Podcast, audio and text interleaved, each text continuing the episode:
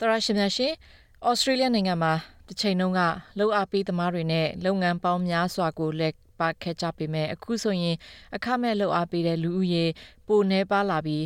အထူးသဖြင့်လူငယ်တွေအကြားမှာပိုနှဲပါလာတယ်လို့သိရပါတယ်။ COVID-19 ကပ်ရောဂါမတိုင်ခင်တုန်းကလှုပ်အားပေးသူတွေများပြားပေမဲ့ကပ်ရောဂါအလွန်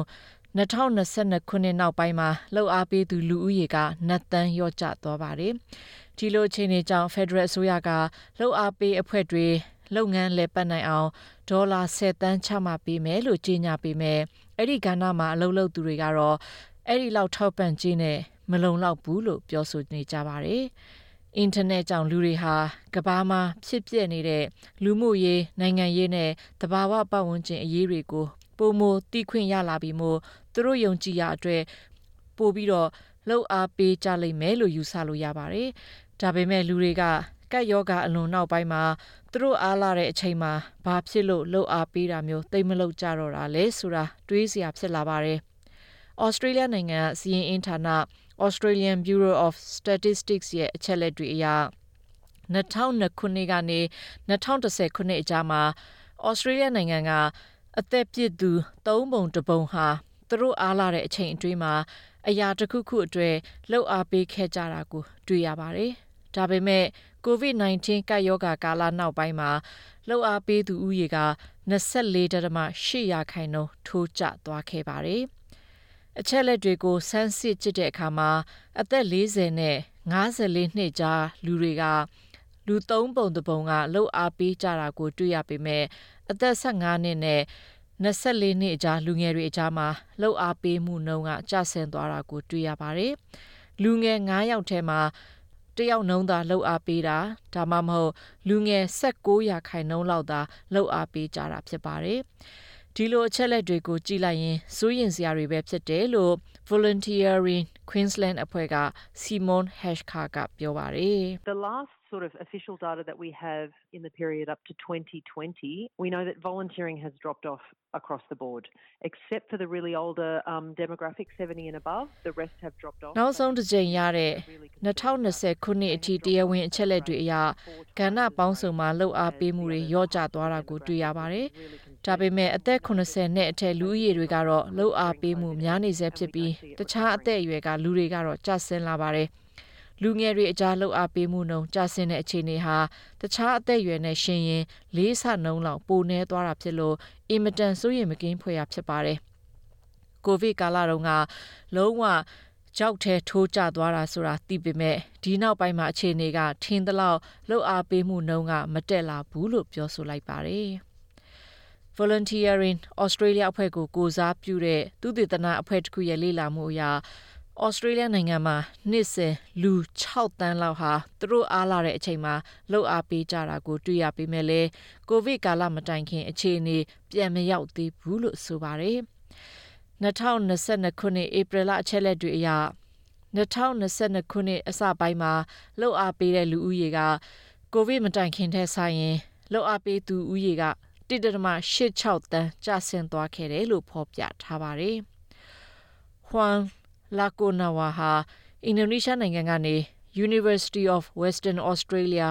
UWA မှာကျောင်းလာတက်တဲ့အသက်20အရွယ်ကျောင်းသားတူဖြစ်ပြီးသူ့ရဲ့တက္ကသိုလ်က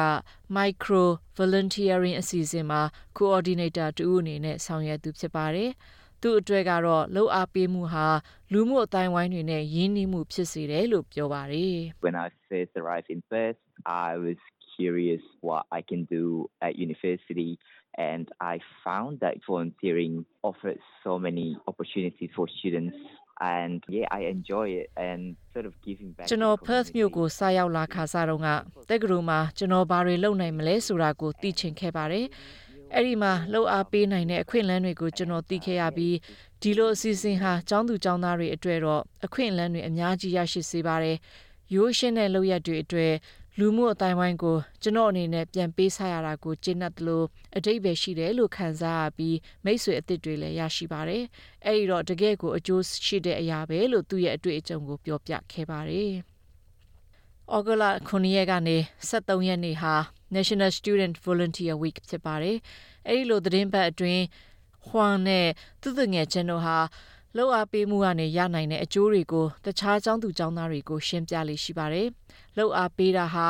လူမှုရေးဆိုင်ရာအတွက်အကျိုးရှိစေသလိုအလောက်ကန်ရှာဖွေတဲ့အခါမှာလည်းအကျိုးရှိစေပါတယ်။အလောက်ကန်ရှာဖွေရေးဈေးကွက်တစ်ခုဖြစ်တဲ့ SICK ရဲ့အဆိုအရအလောက်ရှင်85ရာခိုင်နှုန်းဟာလောက်အားပေးအလုပ်ကိုပတ်စံရတဲ့အလုပ်လိုပဲသဘောထားတဲ့အကြောင်းတွေးရှိရပြီး 69ရာ92ရာခိုင်နှုန်းက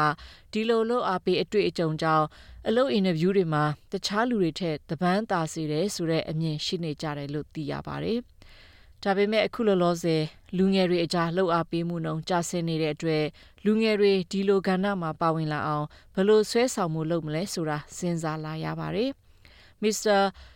လာကိုနာဝါကတော့သူတို့တက္ကသိုလ်မှာပြုလုပ်တဲ့အပတ်စဉ် micro volunteering program တွေကအချိန်အကြာကြီးလှုပ်အားမပေးနိုင်တဲ့လူတွေကိုခဏတာလှုပ်အားပေးနိုင်အောင်လုပ်ပေးပြီးတော့ပြုလည်ပြင်လွယ်အနေအထားဖြစ်အောင်လုပ်ရင်လူတွေကိုပို့ပြီးတော့ဆွဲဆောင်မှုရှိနိုင်တယ်လို့ပြောပါတယ် I think one of the issues is that people scared to sort of commit because sometimes we know that volunteering requires people to commit, for example, for six months or for the whole year. That is the thing. ကျွန်တော်ထင်ရပြဿနာတစ်ခုကတော့လူတွေဟာအချိန်အကြာကြီးရင်းနှီးမြုပ်နှံရမှာကိုစိုးရင်ကြတာဖြစ်နိုင်ပါတယ်။အကြောင်းရင်းကတော့တီးကြတဲ့အတိုင်းလှုပ်အားပေးတဲ့အခါမှာလူတွေက6လသို့မဟုတ်တစ်နှစ်တာအချိန်ပေးပြီးလှုပ်အားပေးကြရတာမျိုးဖြစ်ပါတယ်။အချိန်သိပ်ပေးစရာမလိုတဲ့လှုပ်အားပေးအလုပ်မျိုးကို micro volunteer ကလုပ်ပါတယ်။ အဲ့ဒါကြောင့်လူတွေကိုဆွဲဆောင်နိုင်တာလို့ထင်ပါတယ်။လူတွေကဒီပွဲအတွက်တစ်ခါပဲလှုပ်အပ်ပေးရတဲ့အတွက်သူတို့ရဲ့အချိန်တစ်ပတ်ကိုဒီအတွက်အချိန်ပေးလိုက်တာမျိုးဒါမှမဟုတ်တစ်ပတ်တစ်ခါအချိန်ပုံမှန်ပေးနိုင်ရင်လာရောက်တာမျိုးတွေလုပ်နိုင်ပါတယ်မိမိအပေါ်မှာပဲမူတည်ပြီးရွေးချယ်နိုင်ပါတယ်ဒီလိုလူတွေအတွက်ပြုလည်ပြင်လွယ်အနေအထားဖြစ်အောင်လှုပ်ဆောင်ပေးတာက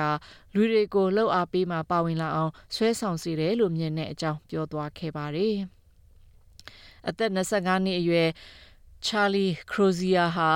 လူတွေလှုပ်အားပေးကဏ္ဍမှာ ပိုမိုပါဝင်လာအောင်လှုပ်ဆောင်တဲ့ Volley အဖွဲ့ရဲ့ CEO ဖြစ်ပါတယ်။လူငယ်တွေဟာ သူတို့စိတ်ဝင်စားရာ စိတ်အားထက်သန်ရန်ကဏ္ဍမှာလှုပ်အားပေးချင်ကြပေမဲ့ဘယ်ကနေ ဘယ်လို စလုပ်ရမှန်းမသိတဲ့အတွက် ဖြစ်တယ်လို့ သူက ပြောပါတယ်။ It's not due to lack of intent like there's a number of well cited researchers uh, research papers showing that Gen Z in particular are more environmentally and socially conscious than the the generations that have come before လူငယ်တွေကလှုပ်အားပေးခြင်းစိတ်မရှိကြတာမျိုးတော့မဟုတ်ပါဘူးလူတွေလက်ခံကိုးကားတဲ့သူသေသနာတစ်ခုအရာလူငယ်တွေအထူးသဖြင့် Gen Z တွေဟာတခြားမျိုးဆက်တွေနဲ့ရှင်ရင်လူမှုရေးနဲ့တဘာဝပတ်ဝန်းကျင်အရေးနဲ့ပတ်သက်လာရင်တခြားမျိုးဆက်တွေထက်တောင်စိတ်ဝင်စားမှု မြတ်တတ်မှုတွေကိုလိုလားသူတွေဖြစ်ကြပါတယ်။ဒါပေမဲ့သူတို့ကြုံရတဲ့အခက်အခဲကဘယ်ကနေဘလို့စရမှန်းမသိတာမျိုးဖြစ်တယ်လို့ရှင်းပြထားပါတယ်။ Mr. Crozier ဟာ Monash တက္ကသိုလ်ကပညာရှင်တွေနဲ့ပူးပေါင်းပြီးတော့လူတွေလှုပ်အားပေးတဲ့ဝန်ဆောင်မှုပေးချင်ရင်အလွယ်တကူလုပ်နိုင်မဲ့ software ကိုတီထောင်ဖို့စူးစမ်းနေကြပါတယ်။ခေတ်မီတဲ့ app တွေကိုအသုံးပြုပြီးလူငယ်တွေဟာအဲ့ဒီ app တစ်ခုထဲမှာပဲအစုံအလင်ရှာကြည့်နိုင်အောင်လှုပ်ဆောင်ပေးဖို့အတွက်ဖြစ်ပါတယ်။အဲ့ဒီ app ကို Volley လို့လောလောဆယ်နာမည်ပေးထားပြီး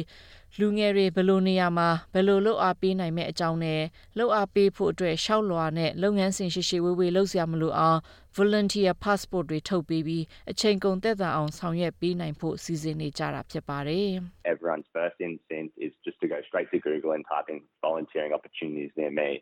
Uh, you're, you're bombarded with a heap of different web pages and have you know quite literally overwhelmed with not knowing where to go လူတိုင်းက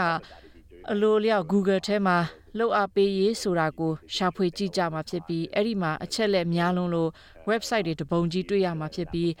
ဘယ်နားမှာဘာစလုပ်ရမှန်းတော့မသိလောက်အောင်အချက်လက်များလုံးတာမျိုးကြုံရနိုင်ပါတယ်အဲ့ဒါအပြင်ကိုကြိုက်တဲ့ကဏ္ဍကိုရှာတွေ့လို့လှုပ်အားပေးဖို့နေရာရှိသေးတယ်ဆိုရင်တော့ကိုကိုလက်ခံတဲ့အဆင့်အထိစာရွက်စာတမ်းတွေ လုပ်ငန်းစဉ်နောက်ကိုလိုက်ရတာလနဲ့ချီအချိန်ပေးစောင့်ဆိုင်ရတာမျိုးဖြစ်တတ်ပါတယ်။အဲ့ဒီတော့မိမိမှာ volunteer passport ရှိပြီးသားဆိုရင်တော့ကိုယ့်ရဲ့အချက်လက်တွေနဲ့ကိုယ်စိတ်ဝင်စားရာကဏ္ဍတွေကအဲ့ဒီအထဲမှာပါပြီးသားဖြစ်လို့အဲ့ဒီ app application ကမိမိနဲ့ကိုက်ညီမဲ့အရာကိုချိတ်ပေးလိုက်ပြီးသားဖြစ်နိုင်ပါတယ်။အဲ့ဒီတော့ခလုတ်တစ်ချက်နှိပ်ယုံနဲ့ပြီးသွားနိုင်တာမျိုးဖြစ်တယ်လို့ရှင်းပြထားပါတယ်။အခုလောလောဆယ် Federal အစိုးရက လှုပ်အားပေးကဏ္ဍပုံမှုအဆင်ပြေဖို့နဲ့လိုအပ်တဲ့အရင်းမြစ်တွေရရှိဖို့အတွက်ဒေါ်လာ10တန်းချမှတ်ချမှတ်ပေးမယ်လို့တောက်ကြနေဩဂုတ်လ4ရက်နေ့တုန်းကကြေညာလိုက်ပါတယ်။လှုပ်အားပေးအဖွဲ့အစည်းတွေအနေနဲ့လူတွေကိုတင်နန်းပေးဖို့ဒါမှမဟုတ်သွာလာရေးစရိတ်နဲ့လောင်စာစီဖိုးတွေဒါမှမဟုတ်လိုအပ်တဲ့တခြားပစ္စည်းတွေဝယ်ယူဖို့အတွက်ဒေါ်လာ1000ကနေ9000အကြားအဖွဲ့အစည်းတွေကိုထောက်ပံ့ကြေးတွေပေးမယ်လို့ပြောပါတယ်။ Volunteering Queensland အဖွဲ့က Miss Hashka ကတော့လှုပ်အားပေးသမားတွေရဲ့အခမဲ့ဝန်ဆောင်မှုတွေကြောင့်ရရှိတဲ့အကျိုးအများဟာဒေါ်လာဘီလီယံနဲ့ချီရှိတဲ့အတွက်အစိုးရအနေနဲ့ဒီထက်မကထောက်ပံ့တဲ့အကြောင်းဒီလိုမှမဟုတ်ရင်ဒီလိုအလုပ်မျိုးကိုအစိုးရတွေကိုယ်တိုင်လောက်ကင်ရတဲ့အခြေအနေရောက်သွားနိုင်တယ်လို့ပြောဆိုလိုက်ပါတယ် I can't even begin to emphasize how desperate our ecosystem is in terms of Queensland there are 3 million people volunteering that we know about in structured organisations, and that they represent the val- a value of, I think, at last count, $84 billion. And that's a massive ကျမတို့ရဲ့ဂေဟာစနစ်မှာဘယ်လောက်တောင်လိုအပ်နေတယ်လဲဆိုတာပြောမပြတ်တက်လောက်အောင်ပါပဲ Queensland ပြည်နယ်မှာဆိုရင်လောက်အားပေးသူဟာလူဦးရေ3သန်းရှိပါတယ်အဖွဲ့အစည်းတွေမှာသူတို့ကလောက်အားပေးနေကြတာဖြစ်ပြီးသူတို့ရဲ့လောက်အားတန်ဖိုးကအရင်တစ်ခေါက်တွက်ကြည့်မှုအရဒေါ်လာ84ဘီလီယံအောင်ရှိပါတယ် ဒါဟာနဲတဲ့ပမာဏမဟုတ်ပါဘူးအဲ့ဒီလိုအခမဲ့ဝန်ဆောင်မှုတွေမရှိဘူးဆိုရင်တော့အစိုးရကနေတာဝန်ယူဖြစ်စီပေးရမှာဖြစ်ပါတယ်အခုလောလောဆယ်လူတွေကသူတို့ရဲ့စိတ်ဆန္ဒအရာဝန်ဆောင်မှုပေးနေကြတာဖြစ်တယ်လို့ပြောသွားခဲ့ပါတယ် Miss Hesker ကအခုလောလောဆယ်လောက်အပေးကဏ္ဍမှာလူငယ်ဥယျာဉ်နဲ့ပါပေမဲ့အနာဂတ်မှာများလာလိမ့်မယ်လို့ယုံကြည်တဲ့အကြောင်းပြောပါတယ် I think the youth of today students of today they want to do the right thing. They want to get out and help their communities. It's just up to the structured organisations to adapt to their needs and come along for the ride. ဒီနေ့ခေတ်လူငယ်တွေဒီနေ့ခေတ်အကြောင်းသူအကြောင်းသားတွေဟာလှုပ်သိမ့်လှုပ်ထိုက်တဲ့မှန်ကန်တဲ့အရာတွေကိုလှုပ်ချင်စိတ်ရှိကြပါတယ်။သူတို့အပြင်ထွက်ပြီးတော့လူမှုအတိုင်းဝိုင်းတွေကိုကူညီချင်ကြပါတယ်။အဲ့ဒီမှာအဖွဲ့အစည်းတွေကသူတို့ရဲ့လိုအပ်ချက်ပြည့်မီအောင်ဆောင်ရွက်ပြီးဒီလိုလှုပ်ဆောင်ချက်ရေးစည်းကြောင်းထဲမှာသူတို့ပါဝင်လာအောင်လှုပ်ဆောင်ရမှာဖြစ်ပါတယ်။ လူငယ်လေးတွေမှာလောက်ကင်ခြင်းစိတ်တွေပြင်းထန်နေသေးတဲ့အတွက်အနာဂတ်အတွက်မျောလင့်ချက်တွေအများကြီးရှိနေသေးတယ်လို့ပြောသွားတဲ့အကြောင်းရေးထားတဲ့ Sam Dover ရဲ့ဆောင်းပါးကိုတင်ဆက်လိုက်ပါရရှင်ကျွန်မကမူလှိုင်းသိမ့်ပါ